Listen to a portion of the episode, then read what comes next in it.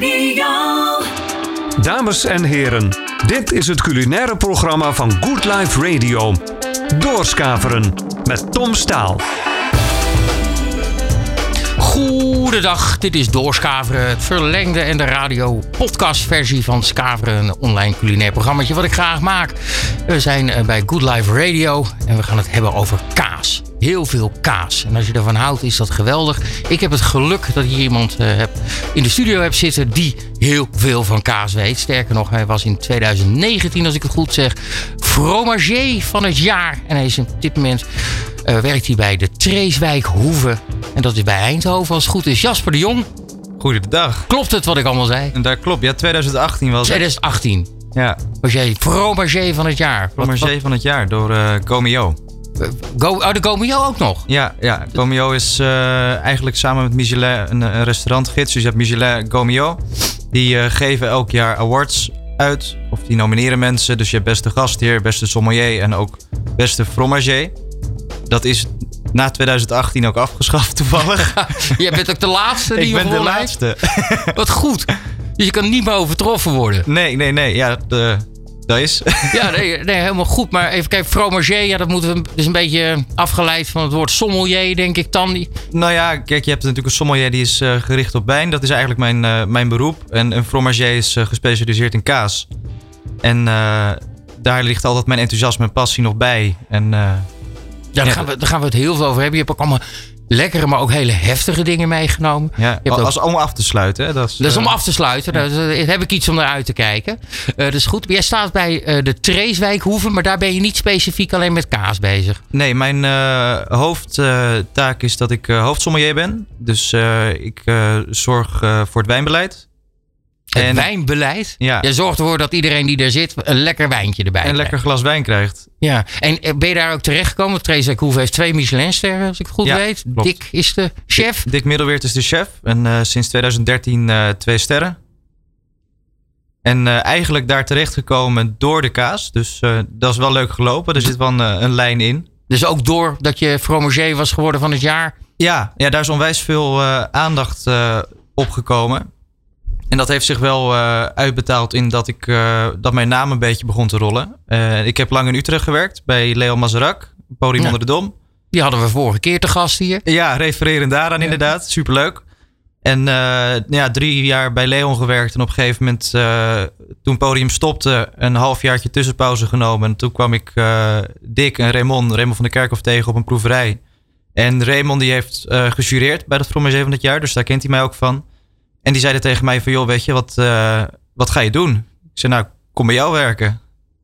Hij zei, wat, wat ga je dan doen? Ik zei, ik wil graag zijn assistent worden. Dus toen kreeg ik smiddags een berichtje van, joh, uh, wanneer kom je proefdraaien? We willen je graag hebben. En uh, toen dacht ik van, joh, weet je, dan laat ik alles in Utrecht achter en dan gaan we naar Eindhoven toe. Nou, is nou ook niet het eind van de wereld, maar het, het Eindhoven, dan stond je ineens in twee Michelin-zaak. Is dat anders werken? Um, nou ja, weet je, het uiteindelijk wat je doet is nog steeds hetzelfde. Dat is dat je mensen een leuke avond of middag wil bezorgen. Maar je, er, er zit wel uh, onwijs veel detail, finesse. En je, je staat met allemaal vakidioten. Die ja? gewoon eigenlijk gek zijn. Die van de 8 uur s ochtends tot uh, 1 uur s'nachts bezig zijn. Gewoon omdat ze iets fantastisch willen neerzetten. En dat is echt een, uh, een heerlijk gevoel. Ja, dat, daar hebben we er gelukkig ook heel veel van in Nederland. En dat zie je bij meerdere zaken. Zeker op het hogere niveau. Daar staan echt beroepsidioten, zoals je jezelf omschrijft. Uh, heb je dan nog wel een beetje vrije tijd? Of je draait alles om eten en drinken in jouw leven? Nou ja, mijn leven loopt wel eigenlijk door in eten en drinken. Ja. Ik werk vijf dagen per week, nou ja, van s ochtends tot, uh, tot s avonds. Met heel veel plezier. Maandag en dinsdag staan altijd een beetje in het teken van proeverijen. S'avonds dan uit eten met mensen die je weer kent van proeverijen. Dus mijn vriendenkring ziet er eigenlijk ook zo uit. En op een gegeven moment is dat je leven. En nou ja, nu, nu ligt dat natuurlijk iets anders. Maar normaal gesproken is dat, zou ik het niet anders willen zien. Nee, nou, dus je hebt ook wel weer van je hobby je werk kunnen maken, zeg maar. Ja, ja dat is eigenlijk een beetje gewoon zo ontstaan en, en gelopen. En ik doe dat met super veel plezier en geniet er eigenlijk elke dag nog steeds super, super erg van. Dat is sowieso fijn. Um, we gaan het heel veel over kaas hebben. We gaan wat proeven straks ook, dat heb je me beloofd. Je gaat me er heel veel over vertellen. Uh, ik hou ook ontzettend veel van kaas. Uh, ik moet zeggen, ze eten liever van dan dat we erover praten. Maar het is nou eenmaal een podcast, uh, radio. Dus we moeten er echt wel eventjes over gaan praten voordat we gaan, uh, gaan proeven. Uh, je komt dan ook wel hele bijzondere dingen tegen. Ook, ja, wij kennen elkaar wat langer dankzij jou. Ik bedoel, de Remerker kaas is een, een hele bijzondere kaas in Nederland. wat, hij maakt bijvoorbeeld melk, gebruikt melk van zijn eigen Jersey koeien. Maar laat ook zijn horens weer bij zijn koeien staan. Is dat echt van belang voor een kaas? Nou, het spijsverteringssysteem uh, van zo'n koe verandert op het moment dat je hem onthoornt. Um, waardoor de kwaliteit anders wordt van de melk. En dat is het mooie bij Jan Dirk. Dat hij een, uh, een, een, kringloop heeft gecreëerd voor zichzelf. Dus hij heeft bijvoorbeeld, volgens mij zijn het negen weilanden. Zijn koeien die maaien het gras. Dus hij heeft geen trekkers, geen tractoren wat hij doet. Geen oh. pesticiden. en uh, ja, dat levert gewoon een fantastisch product op. Je bent er geweest. Dus echt, dat, dat is ook een vakidioot in, ja, zijn, ja. in zijn ding. Ja, en um, jou, die, die liefde voor kaas voor jou, waar is dat eigenlijk ooit vandaan gekomen dan? Nou ja, dat is eigenlijk bij Podium een beetje ontstaan. We hadden daar een, eh, een kaaswagen uh, die ik op een gegeven moment ging doen. En ik had in het begin echt... Even Podium onder de dom was ja. de zaak waar jij werkte bij ja. Ja. ja. En ik had in het begin echt geen flauw idee. En ik was uh, 18 toen. En dan kwam ik aan tafel en dan lagen er twaalf kazen op die kar. En ik wist niet eens hoe ze heten. Dus ik verzon op een gegeven moment ook gewoon een naam. Want ik dacht, als ik het niet wist, dan weten die mensen dat waarschijnlijk ook niet. Maar uh, op een gegeven moment wil je het wel weten. Dus dan ga je dingen opzoeken. En uh, ga je je op inlezen. En dan uh, kom je van het een in het ander. En op een gegeven moment krijg je dan een award. Gewoon door je plezier en enthousiasme. Als je heel veel Wikipedia gelezen hebt, krijg je een award. Ja, nou ja, weet je, dat, is, erkenning is natuurlijk altijd leuk. En vaak werkt het wel zo dat je op het juiste moment op de juiste plek bent. En, en dat is bij mij ook het geval. Oké, okay, en um, als je nou zelf uit eten gaat, altijd standaard een kaasplankje? Achteraf? Nou, ik eet zoveel kaas op werk dat ik het soms even oversla. Toch? Ja. ja, ik doe wel elke dag. Dat ik, ik, ik, ik maak dan de selecties en wij uh, serveren vanuit de keuken de kaas dan. En uh, ik doe altijd even een, een, kwaliteitscontrole, zoals ik dat dan uh, noem. Maar dat is eigenlijk gewoon dat ik natuurlijk een stukje kaas wil, wil eten. Ja, snap ik. Maar kom je ook, merk je ook wel gewoon dat er heel veel kennis ontbreekt in, de, in, in zaken? Uh, je zegt net zelf, ik wist gewoon van die twaalf kazen niet wat er op, uh, op die trolley lag. Nou ja, het is natuurlijk maar net hoe je een verhaal uh, af en toe verkoopt. Hè? Als je met een bepaalde overtuiging iets vertelt, dan kom je in het begin nog wel met dingen weg. En ik, ik was ook jong, dus dat zal wel meegeholpen hebben. Je bij onschuldigheid. Ik vind ook niet zeg maar dat heel veel weten van dingen het allerbelangrijkste is. Als er ergens van, van kan genieten en je kan een verhaal overbrengen, dat, dat is waar het voor mij om draait. Ik hoef niet alle technische details Nee, oké. Ja, ik heb één keer meegemaakt in de zaak. Dat vond ik zelf heel bijzonder. Het was een vrij gerenommeerde zaak in Utrecht. Ik zal de naam even niet noemen, want een goede vriend van mij is daar nu chef. En daar bestelde ik ook een kaasplankje. En uh, toen vroeg ik aan de dame, wat ligt er op mijn bord? En dat wist ze niet. Dus ging ze even vragen aan de chef. En toen kwam ze terug met het meest briljante antwoord ooit. Nou, dat is een Belgisch kaasje. Dat is een Frans kaasje. Ja, en van die weet ik het niet meer. Want de chef heeft net de verpakking weggegooid. Toen dacht ik, oké, oké. oké. dat is wat anders de, anders de item, uh, item van het spectrum. Maar. Ik ben ook uh, op bezoek geweest um, bij Rutger Pekelharing. Uh, hij maakt in Nederland Italiaanse kazen na, zeg maar. Dat maakt hij van Nederlandse koemelk en van Nederlandse buffelmelk. Dus mogen ook weer die naam uh, niet dragen. Daar gaan we ook het nog uitgebreid over hebben. Uh, ken jij de, de kaas? Oudwijker heet die kaasbakerij? Ja, zeker. Ja, ik heb met de producten van Rutger, denk ik, toen ik bij Podium onder de Dom werkte, daarvan ken ik hem. en eigenlijk is zijn bekendheid alleen maar groter geworden in, in de afgelopen jaren. Ja dat ook grote uh, kaasraffineurs uh, in, uh, in België en Nederland Rutgerse kazen willen. Dus dat is een, een goed teken. Hij heeft het absoluut heel goed gedaan. We gaan, ik ben dus op reportage geweest. Laten we een paar keer terugkomen. Rutger is inmiddels gepensioneerd, zeg maar. En bedacht toen, ik ga niet een motor rijden. Ik ga geen wereldreis doen. Ik ga ook niet piano leren spelen. Ik ga in Italië leren kaas maken. Gisteren was ik bij hem in de Oudwijker kaasmakerij. Dit is Deurskaveren met Tom Staal. Good Life Radio.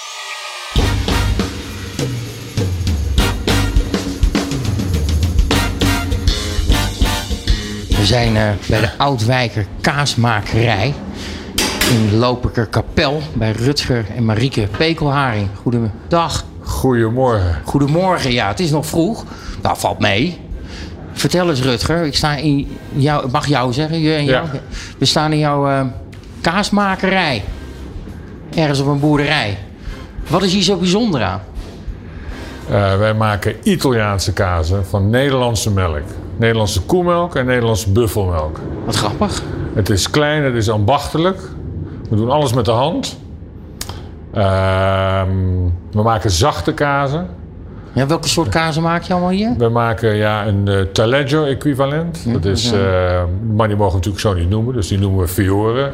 Dat is een uh, echte roodflora, zachte roodflora kaas. Met een rode korst. daar hebben we er ook een variant van met van buffelmelk gemaakt. En dan hebben we twee blauwschimmels, een beetje gorgonzola-achtige blauwschimmels. ja, zacht tot half zacht. Ehm die uh, nou ja, vrij uniek zijn. Vooral de buffelmelk. Uh, ik begrijp dat er maar drie of vier makers in Europa zijn die van blauwschimmel, een blauwschimmel maken van buffelmelk. Dus er zijn er niet zoveel. Nee, maar um, je zei net al, uh, ik maak Taleggio, dat is een roodschimmelkaas, ja. roodflora. Maar je mag het niet zo noemen.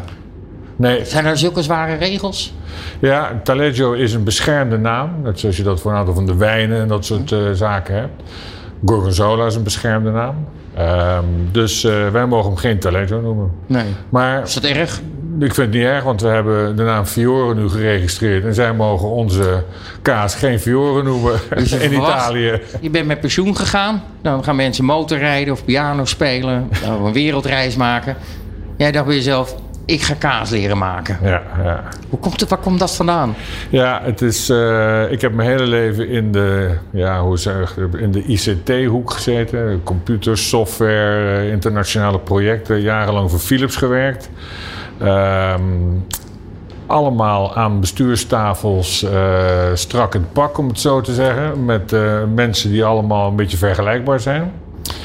Ik hielp een jaar of zes geleden was het een vriend van mij die, ging, die was begonnen met het idee van kaas maken in Nederland. Italiaanse kazen. Maar die kreeg dat niet helemaal van de grond af. Dus die ging stoppen. En de laatste keer dat hij maakte, hielp ik hem. En ik weet nog dat ik s'avonds naar huis reed. En ik dacht, ik heb voor het eerst in mijn leven iets heel moois gedaan. Met je handen werken. Ik, ik stonk naar wijn, ik stonk naar chloor. En ik reed naar huis. En ik heb hem de volgende morgen gebeld. Zei, als jij het stopt, dan neem ik alles over. En dan ga ik ermee verder. En zo geschieden. En zo is het gegaan. Wat goed. En toen naar Italië gegaan. En wat zegt tegen een kaasboer, leer mij eens kaas maken. Is het zo simpel? Ik uh, ben naar, uh, er is een, een, een, kennis van ons, Cesare Ribozzi. Daar ben ik een uh, jaar lang één keer per maand naartoe gegaan. En heb ik een dag of drie, vier elke maand met hem gewerkt. Dat zit, je zit in de bergen in het noorden van Italië, in de heuvels. Weet je, niet zo ver van het Lago de Maggiore af. Zijn kaasmakerij zit aan het Lago di Monate. Hij is derde generatie kaasmaker. Dus uh, zijn opa is ermee begonnen, zijn vader is ermee doorgegaan en nu gaat hij ermee door. En uh, hij heeft ons toch wel heel veel geleerd hoe, uh, hoe je een ambachtelijke kaas in Italië maakt. Van het soort wat wij aan het maken zijn. En is hij een beetje trots op wat je maakt? Ja, absoluut. Hij is heel trots. Uh, hij maakt zelf geen blauwschimmels. Dat hebben we zelf uitgevogeld hoe je dat moest doen. Uh, er is ook heel erg veel uh, vallen en opstaan geweest uh, voordat we dat recept zeg maar, onder de knie kregen. maar uiteindelijk kom je er gewoon. Het is trial and error. Om het ja, zo ja. te zeggen. try and fail, try ja. again en veel harder. Dat, veel, veel, veel try. ja, ja, en veel veel ook. veel veel in het begin. Ja. En net al, je mag die kaas dan hier niet zo noemen. Maar uh, kijk eens bijvoorbeeld de melk in Italië heeft een hele andere smaak dan de melk in ja. Nederland. En dat heeft natuurlijk te maken met wat ze eten en, en, en, dergelijke. Dat komt uiteindelijk ook allemaal in je kaas terecht. Heb je dan geprobeerd echt de Italiaanse smaak te benaderen? Of heb je dat geaccepteerd en zeg ik ga meer naar mijn eigen smaak toe? Nee, wij zijn toch wat meer naar onze eigen smaak gegaan. Wij kunnen de melk niet uh, evenaren. Onze melk, of de Italiaanse melk, is veel kruidiger. Die, die koeien die zitten in de heuvels en die eten tijm en salie. En dat zit allemaal groeit daar door het gras heen. En dat proef je ook in, een beetje in hun kaas. Er zitten lichte tinten van die kruiden in. Maar dat, ja, dat hebben wij niet. We hebben gewoon prachtige graslanden hier. Ja. En uh, nou ja, daar is de melk, de, de grond wat schraler. Dus de, de melk is wat minder, uh, het een lager vetgehalte. Hier is de, de, de graslanden zijn wat, uh, wat voller, zeg maar. Uh, dus wij hebben gewoon andere melk. Ja. Uh, en wij zijn eigenlijk ge, ge, gestart met die uh, Italiaanse smaken en hebben toch dat redelijk aangepast naar ook wat we zelf heel erg lekker vonden. Ervan uitgaan dat als iets is wat, uh, wat we zelf heel erg lekker vinden, dan hopelijk uh, zijn er meer mensen die het mooi vinden. En? Eh, We maken een hoop kaas. Ja, Ja, dat, eh, ja maar het blijft niet allemaal liggen. Hè? dat blijft niet liggen. Nee. Nee, maar het gaat, want ik zie ze in de, de betere restaurants, kom ik ze tegen. Bij de Ja. wat duurdere kaasboeren op de, eh, op de markt in Utrecht kom ik ze ook tegen. Dus dan is het eigenlijk, heb je het goed gedaan. Maar, dan- Ja, het gaat, eh, het gaat erg goed. ja. Ja. maar is het nog heb je nog wel pensioen eigenlijk? Of is het echt langzamerhand ook werk aan het worden? Nou ja, het is een beetje een mix. Het is, eh, het is als, je, als, je, als je passie je werk is, dan is het eigenlijk, eigenlijk voelt het niet als werk. Het is, eh, het is gewoon heel leuk om met je handen zo'n mooi product te maken. Ja. Daar heb ik nog steeds ongelooflijk veel plezier in. En dat doe ik liever dan achter een eh, stel geraniums te gaan zitten en naar, naar de buitenwereld te kijken. Of, ja, of om wat dan ook te doen verder. Dit is Deurskaveren met Tom Staal. Good Life Radio. Daar wacht ik nog even op. Cheese. Het muziekje is van Tim Minchin wat ik eronder had gezet. Ja, Rutger Pekelharing en zijn Oudwijker kaasmakerij. Die maakt buitenlandse kazen, Italiaanse kazen in Nederland. Kan dat überhaupt? Ehm, ja, dat kan. Je hebt het eigenlijk over eh, traditie en ambacht, denk ik, bij Rutger. Eh, Wat hij meeneemt met Nederlandse melk. Waardoor je eigenlijk een geïnspireerd product krijgt van Nederlandse bodem. Ja, Dus in dit geval Italiaans, maar dat gebeurt natuurlijk eh, op meer plekken in Nederland. Ehm, we hebben straks om te proeven, dat is wel leuk. eh, dat heet Aurelie, geitenkaas gemaakt door boerderij Kerditsel. Hele kleine geitenkaasboerderij in Lummen in België. En die maakt eh geitenkazen geïnspireerd op de Semor. Semor is een eh, AOC-kaas, dus er zit ook een herkomstbenaming achter. ja even AOC, leg even uit wat dat Ja, betekent. AOC is een eh, eigenlijk. Je hebt in Frankrijk uit mijn hoofd 44 AOC eh kazen. En wat dat betekent is dat er vastgelegd in wet is hoe dat gemaakt moet worden. Dus dan heb je het over, er moet rauwmelkse melk gebruikt worden. De melk moet bewijzen van met een houten pollepel eh overge... d- Dat soort dingetjes.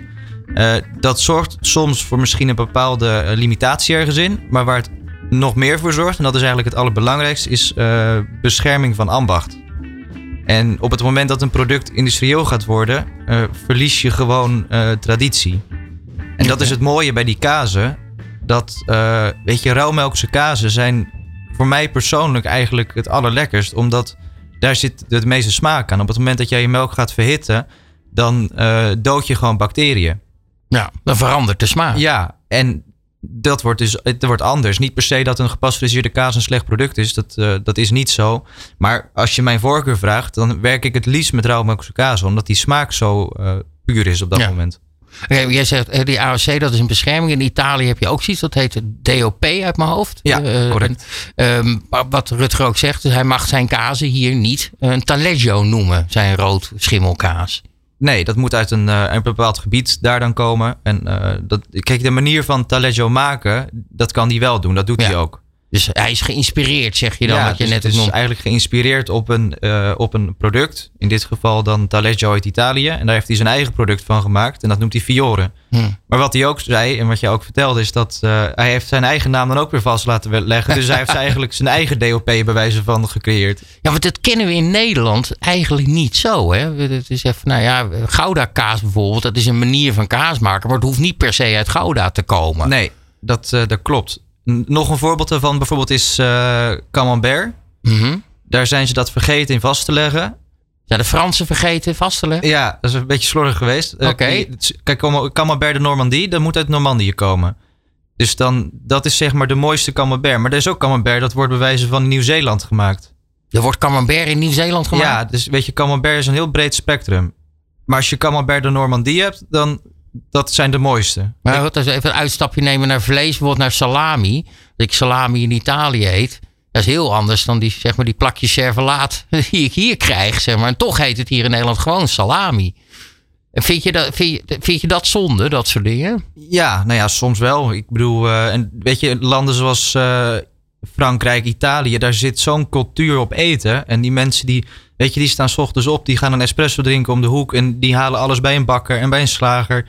Die zijn daar heel erg mee bezig. En wij eh, als Nederlanders eh, begint dat wel steeds meer te komen. Je ziet dat daar meer bewustzijn op komt. Dat mensen liever bij wijze van eh, twee keer in de week een mooi stukje vlees eten dan vijf keer in de week van de Albert Heijn. Ja, ik hou daar wel van. Ik Ja. word er ook blij van. Ik vind het het mooiste om lekker in een bakker te staan die met zijn handen het deeg heeft staan kneden bij wijze van. En een slager die zijn eigen koe heeft uitgebeend. Ja, ja, ga eens een keer niet naar de supermarkt om je boodschappen te doen. Dat zeg ik wel tegen je, mensen. Je creëert ook afstand op een gegeven moment van producten. Als je denkt als je mensen vraagt waar, eh, waar bepaalde delen van een koe vandaan komen, dat weet niemand. Dat weten mensen niet. Omdat alles in een plastic verpakking voorgekoud eh, in de supermarkt ligt. En je zou zeggen om een beetje bewustzijn te creëren. Waar komt je eten vandaan? Ja, verdiep je ergens in. Eh, Praat eens met je slager. Ja, dat is toch fantastisch. En die mensen die staan s ochtends om vier uur bij wijze van op om, eh, om met hun product te beginnen. Om dat allemaal mooi in de toonbank te leggen. Ja, die vinden dat fantastisch om te vertellen. En ik denk dat iedereen daar blij van wordt. Ja, ja. Maar weer terug even naar de kaas. Want jij had, eh, we hebben het een beetje over die buitenlandse kazen die dan in Nederland of zelfs in België nagemaakt worden. Die mogen dan niet Taleggio heten, die mogen niet Gorgonzola heten. Maar het maakt die kaas niet slechter, denk ik. Het is Nee. gewoon een andere smaak, want je hebt andere melk in Nederland. Ja, nee, absoluut. Kijk, als je bijvoorbeeld, eh, ik heb het eh, bij je neergezet, bijvoorbeeld die, eh, die Aurelie proeft. Even kijken, welke moet ik hebben? Dat is het, het rondje. De, het, het rondje, die rondje. eruit ziet als een chèvre, zeg maar. Ja, of beledig zo- ik je nou? Het is wel leuk, het is een leuk verhaal. Er liggen er twee naast elkaar. Ehm, beide zijn van dezelfde boerderij, een boerderij Carditsel. Dat is die in België. Ja, dat is in België, in Lummen ligt dat. Een hele kleine boerderij, heeft eh, 300 geiten. Dat is niet veel. Dus eh, er wordt niet heel veel gemaakt. Ehm, de melk is hetzelfde, alleen bij het, eh, om het even het vierkante blokje te noemen, daar is een, eh, een witschimmelcultuur aan toegevoegd. Oké, Daar, en, en, dan krijg je een verandering van smaak. Dus het wordt vaak wat aardser, een beetje dat, dat paddenstoel in de korst. beetje zo'n schimmelgeur. Ja, nou ja, het is een, een, een witschimmelcultuur die eraan toegevoegd is. Dus het is wel leuk om te proeven het verschil. Ik vind dat, ro- dat rondje, zeg maar, die, eh die Aurelie. Ja? Ja, dat is mijn absolute favoriete geitenkaas op dit moment. Oké, en dit is dus een, een, een, kaas in België gemaakt. Ja, geïnspireerd op De Saint-Maur uit de Loire. Samoa uit Loire. En moet ik eerst het rondje? Ja, ik ja, alleen maar met het rondje te is, zeggen. eh, Maar, ja, ja, dat- Dus ik daarmee beginnen. Nou, dat, je schijnt de kaas. Ja, daar bedoel ik je niet mee beledigen. Sorry hoor, dit is misschien heel onsmakelijk, maar we krijgen hier gewoon te eten. Hij blijft wel heel lang ja, dit is... eh, zacht ook. ja, ik vind dit, dit qua zuren, hoe dat opgebouwd is, dat vind ik zo lekker. Textuur vind ik fantastisch. Het is een klein beetje krijtig, dus een beetje dat zanderig op wat op je palet zit. Eh, het heeft romigheid. Eh, de smaak is, blijft onwijs lang doorlopen. Heb je die kaas ernaast? Is wel leuk om nu eh, te proeven. Ja, die gelijk achteraan? Ja, doe maar Toch gelijk ik even, achteraan. je hebt ook al wat te drinken ingeschonken, maar ik, ik, ik neem gewoon deze niet. Ik neem het vierkantje nu. Het vierkantje. Die andere heeft wat zoeters. Ja. Deze heeft meer hartig, meer Ja, het is wat... beetje eh, grondsmaak, maar dat bedoel ik dan niet Nee, ja, het is maar- een eh, manier van omschrijven. Ik, ik noem het aards. Ik noem het Ja. aards inderdaad. Een beetje dat, eh, beetje dat fungus, dat gedroogde bladerenachtige. ja. ja, het zijn Op een prettige manier. Dat, Ja. Heel erg mooi. Dit is, dit is dus eentje waar jij heel... Ik neem nog een stukje van dat rondje. Dit is dus, wordt dus in België gemaakt. Mag dus niet zo heten. Maar het is een van de betere kazen die jij kent. Ik, nou ja, ik, heb, ik werk samen met Frederik van Tricht. Dat is een eh kaasraffineur uit Antwerpen. Dus hij rijpt kazen.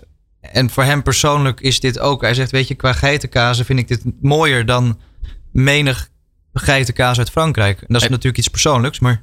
Even, even kort, want jij zegt ehm, Van Tricht, die rijpt kazen. Dus die krijgt kazen binnen en die rijpt ze alleen. Die maakt ze niet. Hoe moet ik dat zien? Nou ja, je hebt bij het maken van kaas zijn er eigenlijk een bepaald een aantal factoren die zijn belangrijk voor kwaliteit. Dus dat begint natuurlijk in de basis met je kwaliteit van je melk. Dan heb je eh, de kwaliteit van de kaasmaker, kan die goede kaas maken en je rijping. En die rijping die heeft te maken met luchtvochtigheid, temperatuur. En Frederik die heeft eh, vier rijpingscellen die allemaal anders zijn ingesteld. Dus bijvoorbeeld geitenkazen en, eh, en witschimmels liggen bij elkaar. Dat heeft met luchtvochtigheid te maken. Die verplaatst die in die ruimtes ook weer onder. weet je, de, op de ene plek is het wat drogender. En dan op het moment dat het twee weken daar ligt, gaat het naar de andere kant.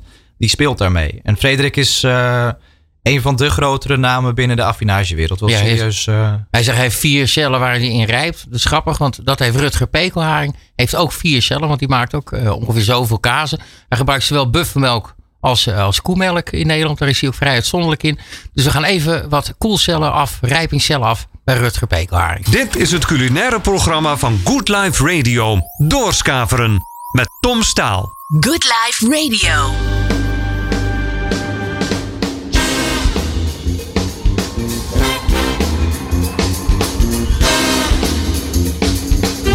Het is een heel lief, klein kaasmakerijtje. Ja, Ik zie één ketel. Daar gaat de melk in, denk ik. ja, dat is een tobbe. Een tobbe. Tobbe van 1000 liter. Die vullen we gewoon. eh, en hier pasteuriseren we ook in. Wij pasteuriseren al onze kaas. Toch wel, geen Ja. rauwmelk. Geen rauwmelk, nee.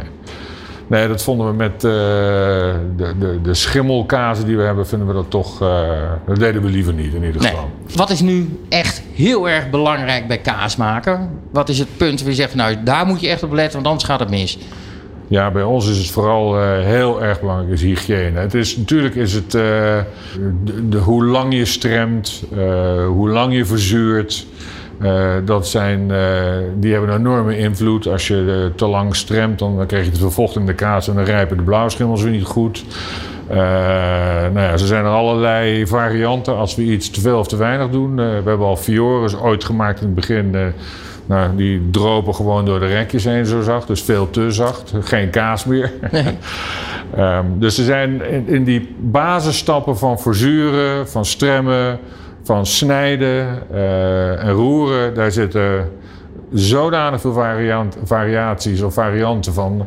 dat er maar, bij ons is er maar één die echt een consistente kaas maakt. Dus dat is, dat is dan al trial and error spel geweest ja. om dat uit te proberen. Met gebrek aan kennis, dat hebben we hier allemaal moeten uitvogelen.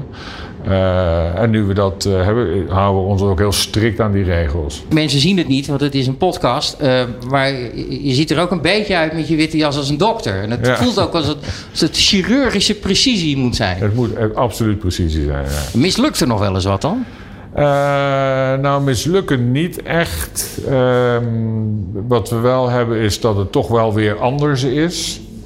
Eh, en dat zie je dan weer dat de koeien naar buiten gaan in het voorjaar eh, en gras, meer gras eten, meer buiten zijn. Dan is eh, de melk toch Is weer iets anders, ja. Eh, dus daar moet je ook weer, eh, toch weer snel aanpassingen op maken.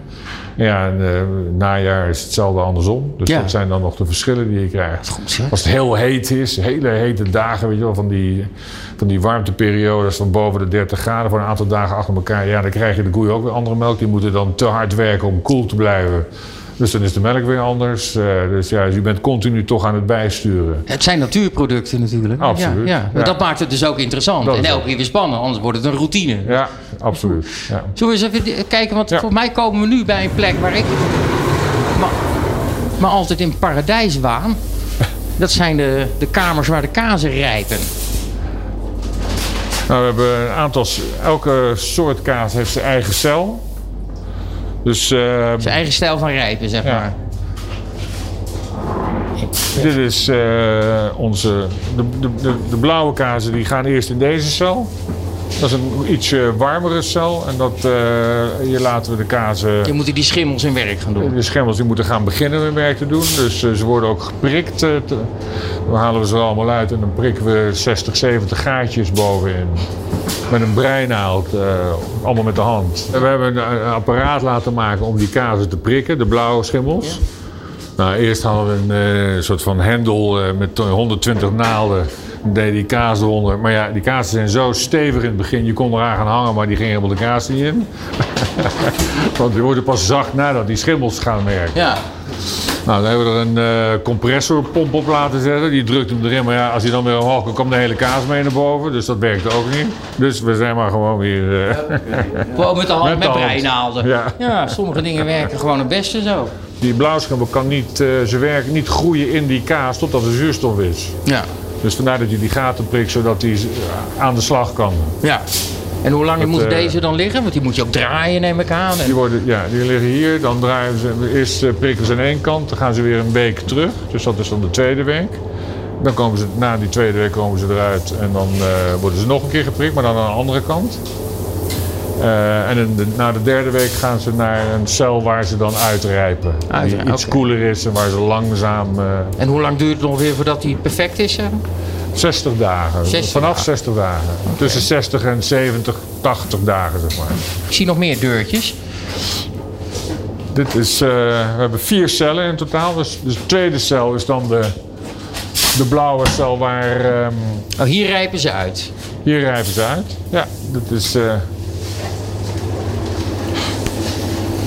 Tja, Dus, Je eh, ruikt ook echt dat het schimmels zijn. Ja, dat is echt met de paddenstoelen. Ja. ja dus, Ja. dus hier rijden ze tot 60 dagen. Ze worden één keer per week gedraaid. Dat is een soort van eh, sport, eh, sportoefening. Om, eh, nou ja, hoeveel staan er hier?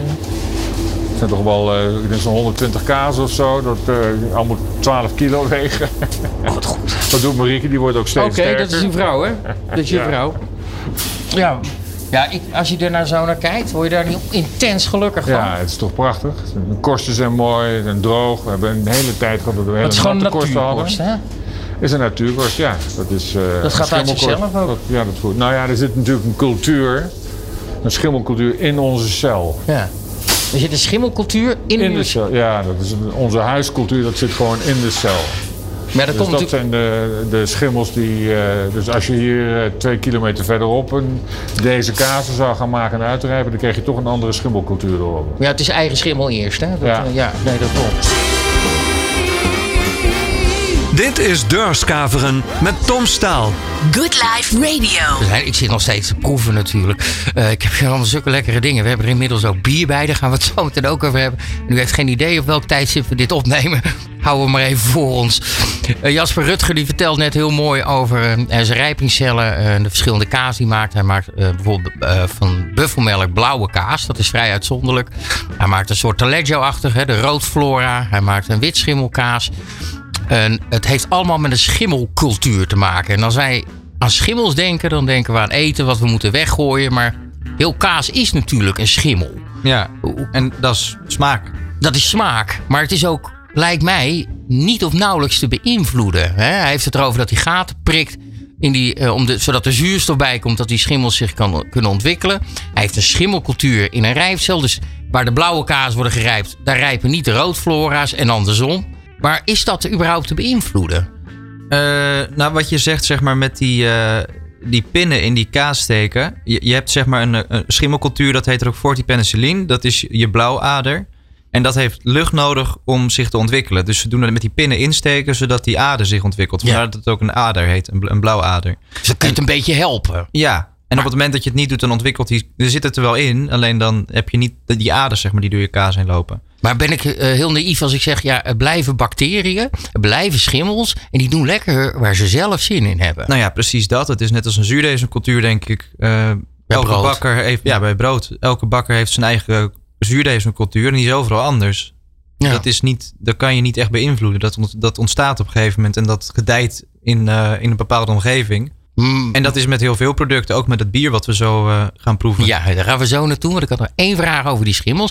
Wat je natuurlijk heel veel ziet, eh, is dat er bijvoorbeeld bij een camembert die in Nederland gemaakt wordt. Nou, dat mag dan blijkbaar zo heten, want dat zijn ze vergeten te registreren. Dat daar iets aan toegevoegd wordt, waardoor er zo'n. Koersen.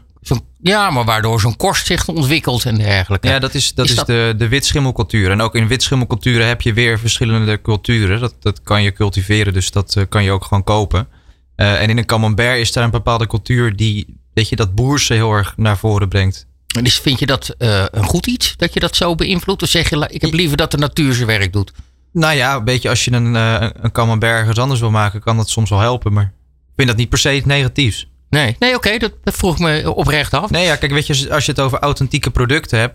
Het is, het is wel iets moois dat bij Rutger, dat Rutger een kaas maakt die nergens anders gemaakt kan worden. Ja, want als hij zeg maar eh, iemand het na wil maken, dan krijg je gewoon wat anders, omdat er andere schimmels in die, eh, in, in die rijfcellen hangen. Ja, weet je, dat is op een gegeven moment een, eh, ja, om het even een kringloop zeg maar te noemen. Dat, die, die schimmel die hangt in zijn omgeving en die bepaalt de smaak van zijn kaas. Ja, ik vind dat fantastisch dat dat zeg maar, dat, dat is iets wat ontstaat. Dat is niet vanaf moment één dat dat gelijk zo is. Dat, dat groeit ook mee, zo, zoiets. Ja, nee, prachtig. Laten we eens even overgaan naar, eh, want je hebt me net twee geitenkaarsjes uit België laten proeven. En eh, kijk, ehm, je hebt wel eens een keer een kaasproeverij bij mij gegeven. En toen hield je ook het verhaal. Je nou, ik serveer eigenlijk nooit port of rode wijn bij mijn kazen. Dat is toch iets wat je natuurlijk standaard krijgt. Hè? Een stukje kletsenbrood, wat, eh, wat, fijn kompot of zo, weet je. En, en, en, en een glas por- rode port. Dat is wat veel mensen graag willen Ja, hebben. omdat het ja, is comfortabel. En eh, weet je, ik ben niet een docent. Dus ik Nee? hoef niet aan mensen tafel of aan tafel mensen op te voeden dat als zij dat willen hebben, dan eh doe lekker je ding. Eh, vraag je Maar- mijn persoonlijke voorkeur. Ik vind het fijn en lekker op het moment dat iets, weet je, verteerbaar en elegant is. Het bepaalde doordrinkbaarheid heeft. En met bieren Eh, weet je, en zeker het bier wat ik graag serveer bij kaas, dat zijn eh geuzes, lambieks, eh, geïnspireerd op.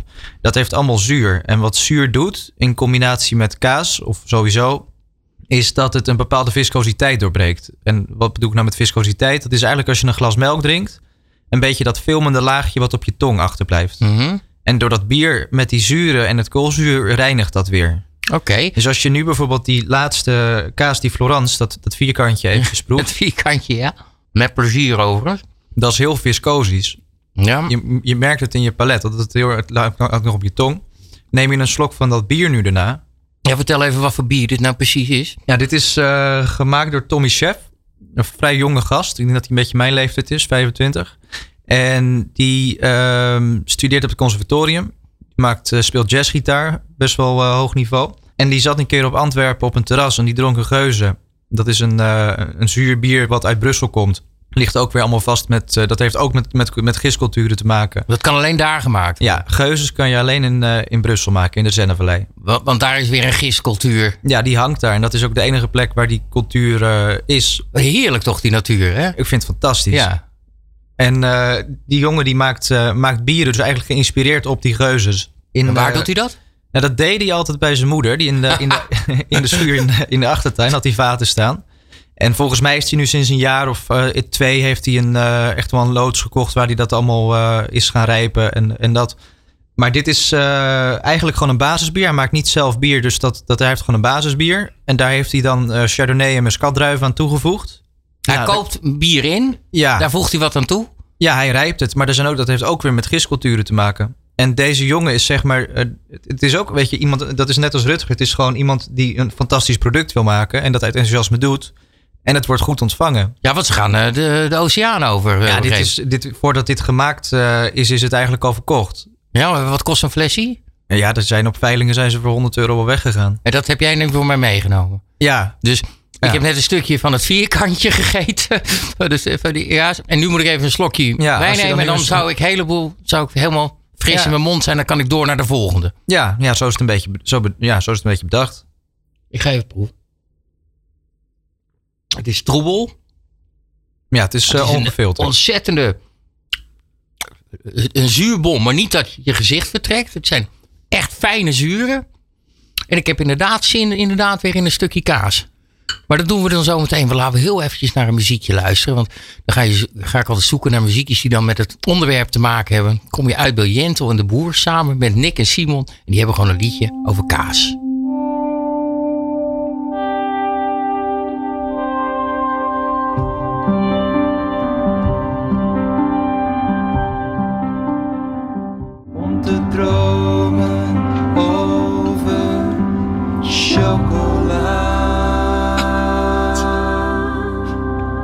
Is het culinaire programma van Good Life Radio. Doorskaveren met Tom Staal. Ja, Good Life Radio. ja, doorschaveren mensen. We zitten hier echt te genieten van prachtige kazen. Jentel en de Boer samen met Nick en Simon. En dan dromen ze uiteindelijk over chocolade. Maar droom jij wel eens over kaas? Eh, nou, niet bewust. Nee, niet bewust. Heeft ook geen nachtmerries. Zegt, eh, Nee, nee, nee. Heel, heel, heel goed. Ehm, ja, kaas, ehm, het is natuurlijk fermenteren. Het is heel populair de laatste tijd. En feitelijk is het gewoon rotten. Dus ik noem het wel eens het, na alcohol het mooiste rottingsproces wat er bestaat. Ben je het met me eens? Ben ik het zeker mee eens. Kan er niks aan toevoegen. Ja, heel, heel goed, zijn we het daar weer. Maar eh, help ons eens even mee, want je hebt nog meer meegenomen. Ja, En ik, we eh, moeten, je je hebt dat prachtige bier. Dat is echt, dat, dat kan ik echt iedereen aanraden. Spaar wat. Zet het op je verlanglijst voor kerst. Weet je, maar dit is, dit is echt, echt heel lekker. Eh, maar ik heb een slok genomen. Mijn papillen zijn weer schoon. Die staan open voor eh, een volgende. Nog meer kaas. Nog meer kaas. Het is eh, eigenlijk, weet je, ik, je hebt altijd een soort van lievelingsdingetje. En voor mij is dat eh Comté. Frederik vroeg wel eens van Tricht aan vroeg aan mij: als je één kaas mag kiezen voor je doodgaat, wat je mag eten, wat is dat? ja, Comté. Hij zegt, oh, dat is bij mij ook zo. Omdat daar zo'n gelaagdheid in smaak in zit, dat, dat, dat verveelt nooit. Wil je even kort vertellen wa- wanneer Comté ook weer Comté mag heten? Ja, Comté komt, eh, dat is ook weer een AOC. Dat komt uit, eh, uit de Jura. Franse Jura en Zwitserse Jura kan het vandaan komen. Maar voor mij persoonlijk, Franse Jura is het, eh, is het mooist. En in Comté werkt het zo dat de, je hebt natuurlijk een rijper. Bij mij is de, de, de- zeg maar, degene die de kaas bij mij vergrijpt is Marcel Petit, grote naam.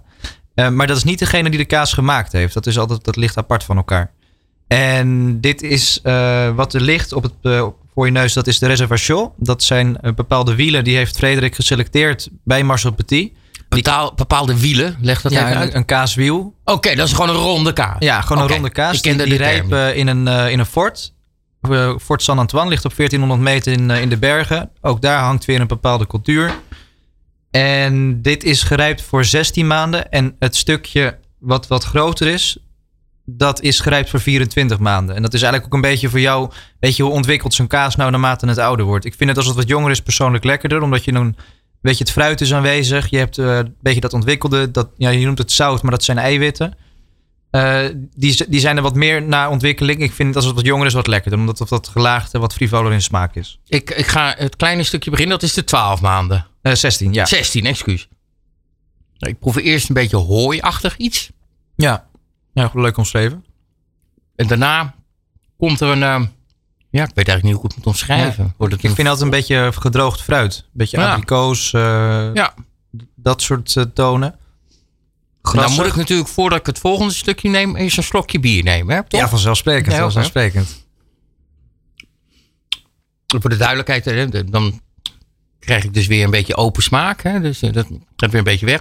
Maar dat trucje werkt niet als je de hele fles... eh, dan, eh, dan is het weg op een gegeven moment, denk ik. De fles, ja. Die fles Ja, de is, fles ook. Maar je smaak ook, denk ik. Nee, je smaak... Dan ga ik nu naar de 24. De 24 maanden. Hmm. Veel pittiger. mhm. En dat knispertje van wat mensen altijd zoutkristallen noemen, wat het niet zijn. Nee, dat zijn eiwitten. Die, Het zijn eiwitten. Dus een, eh, feitelijk is het een soort veetzin. Hè? Wat, eh, eh, een, een, een E621, maar dan natuurlijk. Daar zijn mensen heel bang voor als je dat zegt. Maar ik vind die eerste lekkerder. ja, ja, kijk, Dat is smaak. Maar, ah, het anders. Maar, maar hij, je merkt inderdaad een andere smaak. ja, ik vind, pittiger. het, ik vind het, weet je, kijk, eh Comté is een, een, een zomerkaas. En dat komt, er is voor één wiel Comté om te maken, is ongeveer 360 liter melk nodig. Dat is heel veel. Ehm, en hoge kwaliteit. In de zomer staan die koeien allemaal eh, in de wei, die eten bloemen. Dus de kwaliteit melk wordt, is, is hoger. Gaan die koeien in de winter op stal, dan eten ze stro en hooi. Nog eventjes naar die, regels, naar die AOC. Hè? Die, die beschermde naam die het krijgt. Ik zie wel eens een stukje Comté in een re- supermarkt liggen. I- ehm, is het per definitie altijd goed? Eh, nee. Nee, kijk, een AOC, en daar had ik het toevallig van de week met Frederik nog over, zorgt er wel voor dus dat het een bescherming is van ambacht. Maar dat betekent niet dat het gelijk een vanzelfsprekende is dat het ook kwaliteit is. En hoe weet je als simpele consument die eh, zijn kaas koopt op een eigenlijk. markt? Ja, weet je, kijk, ik- je kan wel, ik, ik zou zelf zeggen, ga naar de kaasboer en koop daar je kaas. Maar ik vind dat, niet dat er met de kaas van de Albert Heijn wat mis is. Nee, nee. Het is alleen een ander product. Ja. En het is misschien ook wel juist goed dat die producten er zijn. Hè? Want op het moment dat iedereen een niche product wil eten, dan is er niet voldoende. Nee. Dus het is maar net vanaf welke kant je er naar kijkt. Maar Oké. Ik vond deze, heb je straks nog wat? Want dan gaan we eventjes weer ja, naar de Rutger laatste. toe. Maar die zit nog expres in de verpakking. Dus Die zit expres... Oh, je hebt wat speciaals, ja? Ja, Ga ik eerst nog eventjes eh, Rutger laten vertellen over zijn prachtige kazen. Terug naar Rutger van de Oudwijker Kaasmakerij. Dit is Deurskaveren met Tom Staal. Good Life Radio.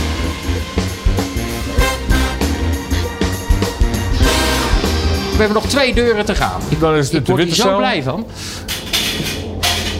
Hier eh, rijpen onze Pietra en Gino. Welke twee? De, de Pietra, Toma Pietra noemen we hem. De steen, dat zijn deze. En eh, de Cigno, dat is de zwaan. Nou, die zijn ook helemaal wit. Vandaar. En, maar hoe heet ze in Italië als je hem eh, officieel zou maken? Eh, ja, dat zijn typische Alpenkazen. Dus de, de, een tom, net zoals een tom de Savoie hebt, een tom de Montagne, Toma Nostrana. Dan maken wij de Toma Pietra. Wat is dat apparaat? Dit is eh, een kleine tobbe van 60 liter. En dit is onze testtobbe. Dus als we Oh. nieuwe kazen gaan uittesten, dan doen we dat eerst in een 60 liter tobbe. Wat Om goed. te kijken of het werkt. Ze willen nog een eh epoisse maken en nog wat andere mooie mooie blauwschimmel van geitenmelk misschien. eh. Maar dan gaan we dat eerst met 60 liter uittesten om het eerst goed te krijgen. Nou, nog één deurtje, eh, Rutger. Ja, dit, is de, dit zijn de roodflora's. Nou, je ziet het. weinig blauw of wit schimmel te, be- te vinden. Dus allemaal eh, worden ze langzaam rood. Je ziet de wittere kazen, dat zijn de jongere kazen die net gemaakt zijn. Of vorige week, eh, afgelopen weken. En dan langzaam worden ze dan steeds meer oranje. Grappig zeg, maar dit is, een- dit, dit is eh, in Italië zou dit een taleggio heten. Ja. Wij kennen het hier een beetje rood van Sport Salut, zeg maar Kernhem-achtig. Ja, is weer wat anders. Het is uh, Taleggio, het is eh, meer een... eh ja, Epoisse is het ook niet. Het is, het is een... eh, Taleggio is Taleggio, Taleggio. Ja, zeggen. het is Ja. echt eh, een apart soort kaas. Ja. Ja. En hier noem je hem Fiore. Fiore, ja. En dan de heb je bloem. ja, dat die is dan van gewoon koemelk. En Ja. dan heb je er ook nog eentje, ook een roodschimmel van Ja, buffelmelk. ja, dat is de Stella. Dat zijn die daar, die zijn iets natter. Die hebben dat hogere vetgehalte, dus die hebben ook een iets nattere korst. Oké.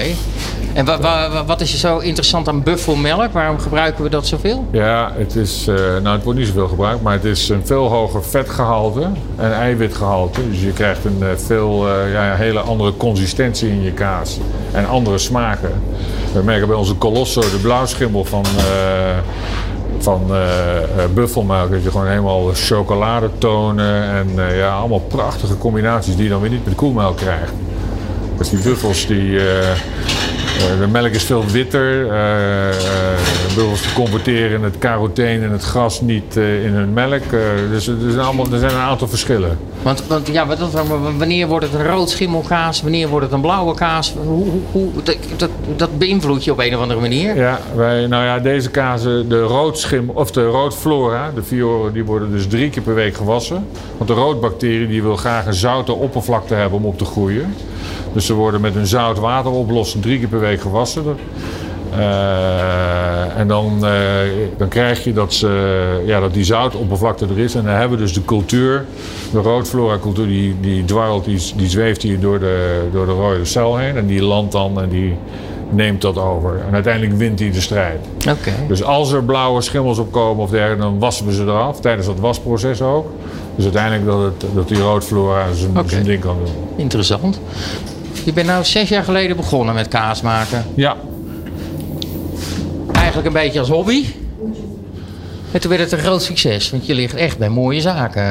het is eh, ja, een groot succes. Een, een succes, want groot zijn we niet. Dus eh, Nee, maar goed, succes, het kleine succes kan Maar- ook groot zijn in, in, in je erkenning die je krijgt. ja, ja, absoluut. Het is, eh, de kazen liggen ook in het buitenland. Het liggen in Duitsland en eh, België. eh, gaan ze naartoe.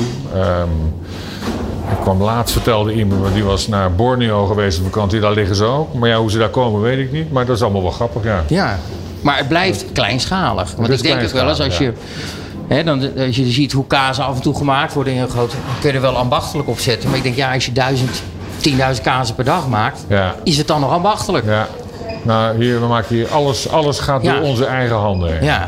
dat hele proces, Dat, eh, ik ja. vind het prachtig om te zien. Ja. Want het zit, we zitten in een Loopikker kapel. In een heel klein boerderijtje. eh, achterin is een kaasmakerij gebouwd door Rutger en Marieke. En als hobby hebben ze eh, Italiaanse kazen zijn ze onder handen gaan nemen. En dan met oog op de toekomst. Je, je zei net, ik heb een eh, kleine top bestaan om dingen te testen. Wat, wat, Ja. wat- wat is je wens om nog te maken? Nou, we vinden het toch wel heel leuk om misschien een époisse eh, te gaan maken. Van Franse kaas. Eh, en we, zijn, ja, we zitten toch te denken aan een, eh, een blauwschimmel van geitenmelk. Zachte blauwschimmel van, eh, van geitenmelk. Dus daar heb je binnenkort mee... eh, Maar dat, is, eh, dat zijn best lange trajecten. Toch trajecten van eh één of twee jaar. Want die kaas moet elke keer weer eh 30, 40, 50, 60 dagen rijpen. Dan weet je pas of je het goed gemaakt hebt. Zo niet, dan moet je aanpassingen maken. Nou ja, zo ben je dan weer eh, 60 dagen verder. ja. Dus je kan ongeveer drie, vier keer per jaar zo'n batch maken. En pas daarna, oh ja, ergens in dat traject kom je er pas achter of, of je goed zit. En dan kan je naar een grotere volume gaan.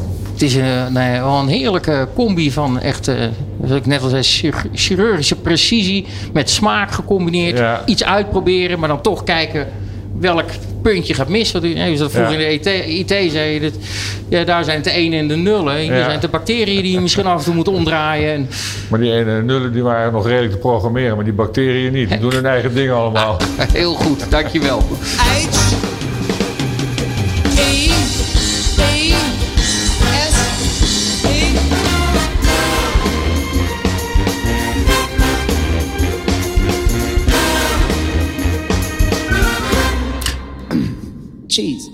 verhaal van Rutger Pekelharing, de Oudwijker kaasmakerij. Ik vind het een eh, goed verhaal. De man eh, maakt mooie dingen. En eh, ik ben heel blij dat ik daar...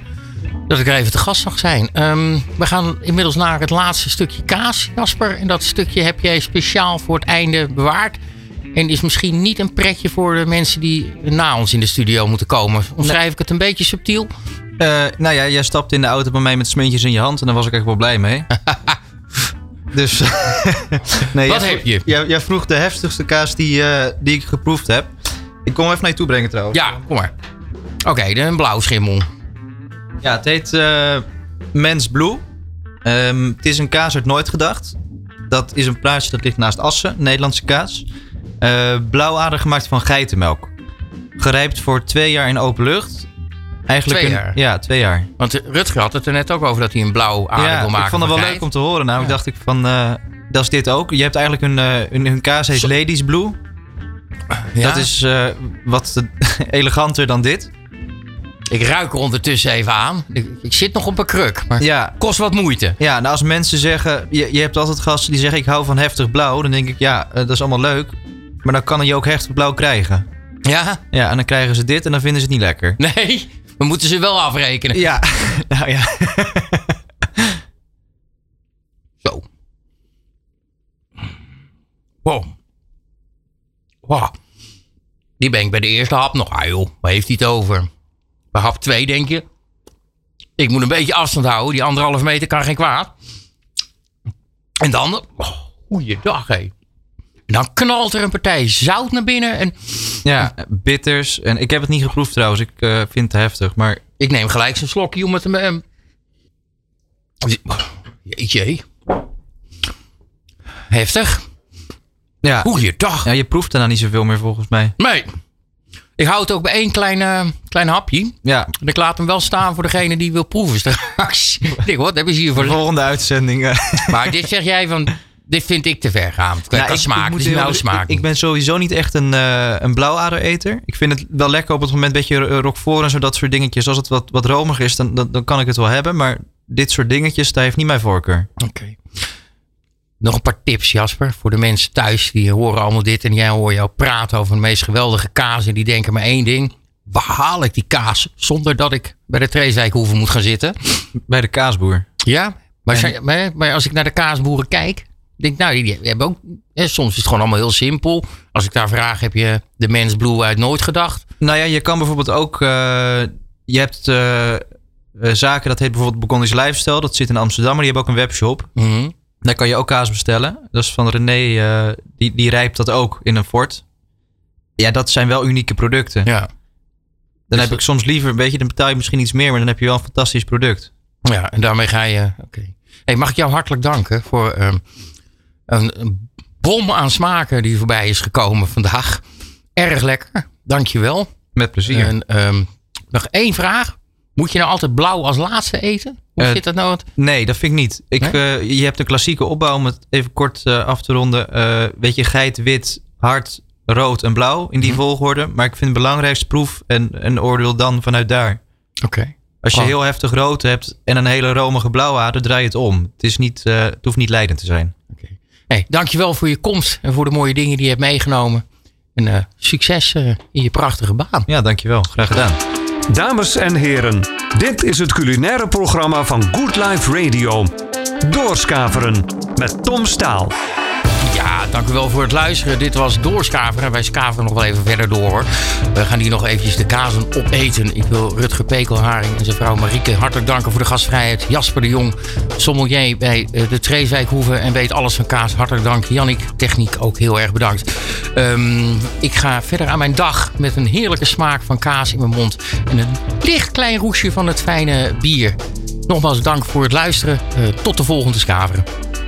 Dit is Doorskaveren met Tom Staal. Good Life Radio.